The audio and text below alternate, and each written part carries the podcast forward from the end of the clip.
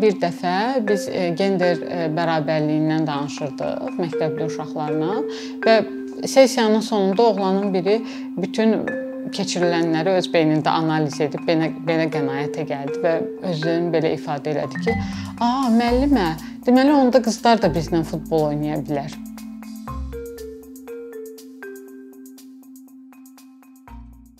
Azərbaycan o ölkələrdəndir ki, hansı ki gender əsaslı zorakılıq, ayrı seçkiliyin müxtəlif formalarına görə, müxtəlif kateqoriyalarda, bəzilərinə görə dünyada, bəzilərinə görə isə Şərqi Avropa ölkələri arasında ön sıralardadır ki, biz buraya selektiv abort, erkən nikah, yeniyetmə hamiləliyi kimi məsələləri daxil edə bilirik.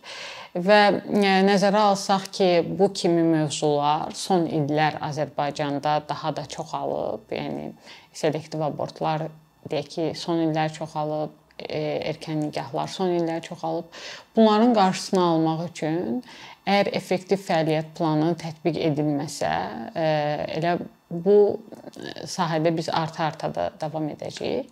Və bəs nəzər yetirsək ki, biz niyə görə bu kateqoriyalarda öndəyik və necə bunun qarşısını ala bilərik?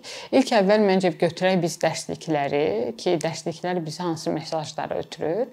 Dərsliklərdə tədris edilən mövzular və təsvirlər diqqətlə baxanda görərik ki, nəinki gender bərabərliyinə təşviq edir, əslində gender bərabərsizliyinə təşviq edir. Misal üçün götürək bu şəkli, hansı ki bu şəkildə kollektivlikdən danışılır. Qeyd edim ki, bu şəkil 1-ci sinif həyat bilgisi kitabından götürülüb və orada kollektivlik uşaqlara izah olunur, amma təsvir başqa mesajlar verir. Deyək ki, təsvirdə göstərilir ki, ana paltar ütüləyir, nənə nəvə paltar bükür, e, ata, baba və oğlan nəvəsi çöldən gəlirlər. Bu bir növ uşaqlara mesaj ötürür ki, hə, ana ev işləri ilə məşğul olar, qız anaya kömək edər, oğlan isə ataya kömək edər, ata ilə birlikdə deyək ki, bazarlıq edər. Və yaxud da götürək bu ikinci təsvir. İkinci təsvir isə qaz, işıq dan istifadə haqqındadır çox güman ki və e, amma göstərilən təsvirlər bir növ həm də onun mesajını verir ki, qadınlar ev işləri görər, kişilər isə e, çöldə uşaq gəzdirər və s. Yəni bunlar hamısı nəzərə alsaq ki, xüsusilə bu dərsliklər 1-ci sinifdən bu təsvirləri ötürür. E, necə şuuraltı uşaqlara mesajlar verir və eyni zamanda uşaqlar o kitablarda öz rol modellərini tapmağa çalışırlar, hansısa mesajlar götürməyə çalışırlar və öz həyatlarına tətbiq etməyə çalışırlar. Onda başa düşə bilərik ki, necə bu cür təsvirləri qoymaq gender bərabərliyi yaratmaq istəyən cəmiyyət üçün təhlükəli nəticələrə gətirib çıxarda bilər. Və yaxud da təkcə bu gender mövzusu ilə bağlı yox, sırf genderlə birbaşa bağlılığı olan cinsi reproduktiv sağlamlıqla bağlı dərslərə də baxsaq, xüsusilə biologiya e, dərsinin içinə daxildir ki, bu anatomiya mövzusu var. Biz orada cinsi orqanlardan, cinsi reproduktiv sağlamlıqdan danışırıq. E, bizi vaxtıda belə idi. Biz indi uşaqlarla təlimlər keçərkən, məktəblərlə təlimlər keçərkən də buna fikir veririk ki, hələ də təəssüflər olsun ki, özünü qoruyur. Müəllimlər bəzən bu mövzuları tədris etməkdən imtina edirlər və uşaqlara, şagirdlərə deyirlər ki, gedin bunu evdə özünüz oxuyun, özünüz başa düşərsiniz. Amma nəzərə alsaq ki, bu mövzuları sonra müzakirəyə ehtiyacı var, peşəkar tərəfindən izaha ehtiyacı var ki, burada peşəkar müəllimdir, amma müəllim bu mövzunu tədris eləməkdən imtina edir. Eyni zamanda bu deməli e, şagirdlərə mənfi mesajlar ötürür ki, deməli cinsi reproduktiv sağlamlıq haqqında məlumat əldə etmək e, tərbiyəvi deyil və yaxud da pozitiv, müsbət bir şey deyil bu haqqda öyrənmək ki, müəllimim bunu mənə tədris eləməkdən imtina edir. Yəni bu mesajlar uşaqların davranışına və e, özlərini ifadə etmə formalarına mütləq şəkildə öz təsirini göstərir. Və yaxud da mənim yadıma gəlir ki, elə mənim məktəb vaxtımda da mən bununla qarşılaşmışam. Yenə də uşaqlarla təlimlər vaxtı bunu e, görə bilirik ki, deyək ki, biz gülürdük və yaxud da şagirdlər gülür, qızlar və yaxud da ağlayır. Müəllimlər deyir ki, qız uşağı ağlamaz, qız uşağı gülməz, qız uşağı bəkdən danışmaz. Hansı ki çalışırlar ki, qızları hansısa bir çərçivəyə salsınlar ki, özlərinin bildiyi və yaxud da cəmiyyət tərəfindən norma kimi qəbul edilən qızlar üçün ölçüb biçilmiş etik tərbiyəvi çərçivəyə daxil eləsinlər ki, bu da yenə e, öz mənfi təsirini göstərə bilər. Yəni bu təkcə məktəbdə qızlara e, bu qədər baskı yox, eyni zamanda bu oğlanlara da edilir. Yəni amma bu həm də oğlanları daha çox səlahiyyətləndirir. Heç oğlan soruşmur ki, bəlkə mənə bu qədər səlahiyyət lazımdırmı və yaxud da mən bu qədər səlahiyyət istəyirəm yox, amma onlara verilir ki, oğlan daha güclü olar, oğlan heç ağlamaz, oğlanlar sinifin qızlarını qoruyar ki, başqa sinifin oğlanları söz atmasın misal üçün. Yəni bu tipli şeylər həm də oğlanları daha güclü olmalarına vəd edir ki, mən çox güclü olmalıyam ki, sinifin qızlarını qoruyum və yaxud da çox güclü olmalıyam ki, ağlamayım. Bu mesajları ötürür. Və nəzərə alsaq ki, yenə də müəllimlər sinifdə rol modeldirlər. Yəni o müəllimə uşaqlar baxır, fikirləşir ki, mən də bu müəllim kimi olmaq istəyirəm və yaxud da ondan ilhamlanıb nə qədər adam deyir ki, hə, mən də müəllim olmaq istəyirəm ümumiyyətlə.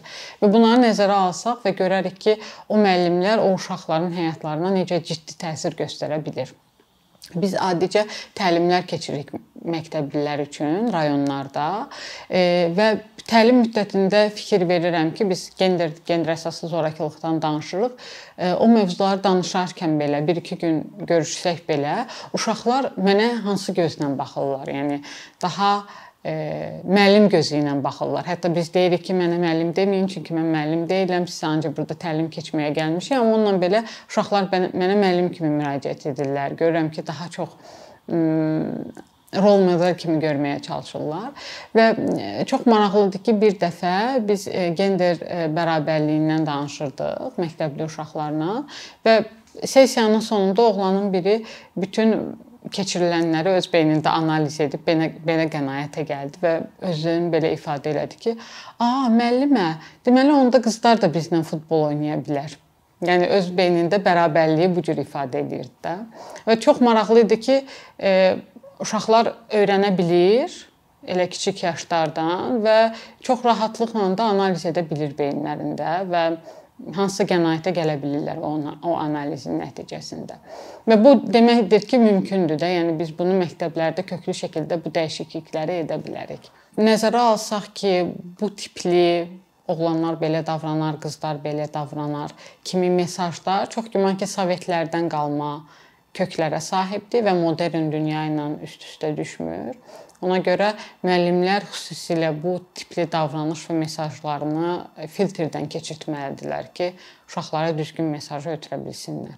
E, və bu iki nüansı nəzərə alsaq, həm müəllimlərin bu cür davranışını, həm də kitablarda ötürülən ötürülən o mesajları nəzərə alsaq, görərik ki, əslində hansı ki, bərabərsizliyə təşviq edən mesajlar, müəllimlərin uşaqların davranışına təsir edən mesajları nəticədə gətirir daha zorakı, daha bərabərsizliyi gücləndirən cəmiyyətə çıxarır. Çünki biz böyüdükcə bizə hansı mesajlar ötürülürsə, biz o cür öz e, davranışlarımızı formalaşdırırıq və bir uşaq ki, uşaqlıqdan inandırılsa ki, qızlar fərqli olmalıdır, oğlanlar fərqli olmalıdır, onların arasında böyük fərqlər var və onlar qadınları qorumalı olan tərəflər kişilərdir. Bu mesajlar ki, davamlı uşaq vaxtından ötürülürsə e, məktəblilərə, nəticədə bu qədər zorakılığı görməyimiz e, təəccüblü olmamalıdır ki, yəni bu təhsilin bu mesajların hamısının nəticəsidir. Bəlkə də e, heç müəllimlər öz mesajlarında onu hədəfləməyiblər və yaxud da kitab o şəkilləri qoymaqla onu təbii ki, hədəfləməyib, amma hamısı birlikdə buna gətirib çıxardır. Bunun qarşısını almaq üçün nə edə bilərik? Ki, bu bərabərsizlik məsələsini necə aradan qaldıra bilərik və yaxud da bu gender mövzuları insanlara necə müsbət tərəfdən təsir edə bilər? Mən bunun iki həllini görürəm. İki cür həllini təklif edə bilərəm. Bunun birincisi ola bilər ki, bütün kitablar 1-ci sinifdən 11-ci sinifə qədər olan bütün kitablar diqqətli şəkildə gender monitorinqindən keçirilməlidir və ona əsasən də dəyişdirilməlidir. Hansı ki, zorakılığa, stigmaya, stereotipə səbəb olan bütün təsvirlər və dil oradan çıxarılmalıdır. Və eləcə də yeni çıxarılacaq olan kitablar hansı gender ekspertinin e, müşahidəsi ilə çıxarılmalıdır. Ən azından o baxmalıdır, təsdiq etməlidir ki, bəli, bu gender həssas dildən istifadə olunub. Heç bir təsvir gender bərabərsizliyini, gender əsaslı zorakılığa təşviq etmir. Bu kitab çap oluna bilər. Bu atılmalı olan addımlardan biridir və mən inanıram ki, bu öz təsirini göstərə bilər. Və bununla paralel olaraq da mütləq şəkildə müəllimlər təlimləndirilməlidir ki, gender həssas dil necə olmalıdır, məktəblilərlə necə danışmaq lazımdır, tədris prosesindən əlavə. Bu müraciət ola bilər, bu nə bilim, oğlanlar güləndə, qızlar güləndə, oğlanlar ağlayanda, qızlar ağlayanda ki, müraciət və davranışlarından tutmur, bütün tərbiyə və təhsil sisteminə daxil olacaq bir şəkildə təlimləndirilməlidir və Bu mesaj bir növ müəllimlərə çatdırılmalıdır. Yəni məsələnin ciddiyyəti çatdırılmalıdır ki, sizin verdiyiniz ifadələr və yaxud da sizin mesajlarınız nələrə gətirib çıxarda bilər. Və məncə bu iki e, məsələ həm kitabların monitorinqi, həm müəllimlərin e, davranışı bərabər şəkildə aparılarsa, təhsil sistemi o zaman gender bərabərsizliyinin qarşısını almağa kömək edə bilər. Və ondan sonra bəli, biz başqa addımlara artıq keçə bilərik. Və eyni zamanda bir məsələ, bir кейs də danışmaq istəyirəm bununla bağlı ki, bir neçə il əvvəl rayonlardan birində məktəbli qızlarla bir layihə çərçivəsində fokus qrup diskussiya edirdik. Həmin diskussiya zamanı bir heç gözləmədiyimiz şəkildə bir məsələ ortaya çıxdı. Məlum oldu ki, qızlar ə, e, tənəffüsdə zəng vaxtı, zəng vurulduğu zaman tənəffüsə çıxmalı olduqları vaxt tənəffüsə çıxmırlar. Soruşduq niyə? Dedilər ki, bəs e, bizim məktəbdə tənəffüsə çıxan qıza pis baxırlar. E, və soruşduq ki, bütün məktəbdə qızlar çıxmır tənəffüsə. Dedilər ki, bəli, bütün məktəbdə qızlar tənəffüsə çıxmır. Tənəffüsdə sinifdə otururlar, oğlanlar çıxır. Və müəllimlər də buna normal baxır. Yəni bunun qarşısını almaq üçün və yaxud da qızları tənəffüs zamanı çölə çıxmağa təşviq etmək üçün heç bir şey etmirlər. Bəs onda soruşduq ki, bəs onda nə vaxt təbii ehtiyaclarınızı qarşılamaq üçün tualetə getmək istəyirsiniz? Də deyək ki, nə vaxt gedirsiniz bəs? Onda dedilər ki, bəs dərs vaxtı gedirik. Dərs vaxtı müəllimdən icazə alırıq, e, tualetə gedirik. Bu vaxt qızlar arasında diskussiya yarandı. Qızın biri də dedi ki, iştirakçılardan, "Yox, mən dərs vaxtı da icazə almıram tualetə getmək istəsəm belə. Çünki onda hamı bilir ki, mən tualetə getmək istəyirəm və o məni utandırır." Və mən sonra bunu fikirləşəndə ki, e, qızlar deməli tualetə gedə bilmirlər.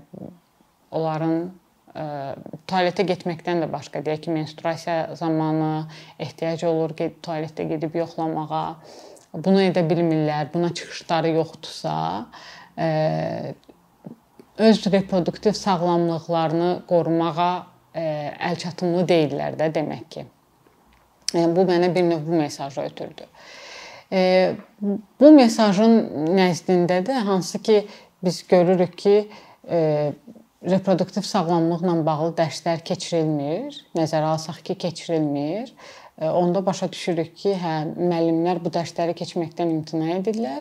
Bu mesajları reproduktiv sağlamlıq mövzularının əhəmiyyətini e, vurğulamaqdan imtina edirlər.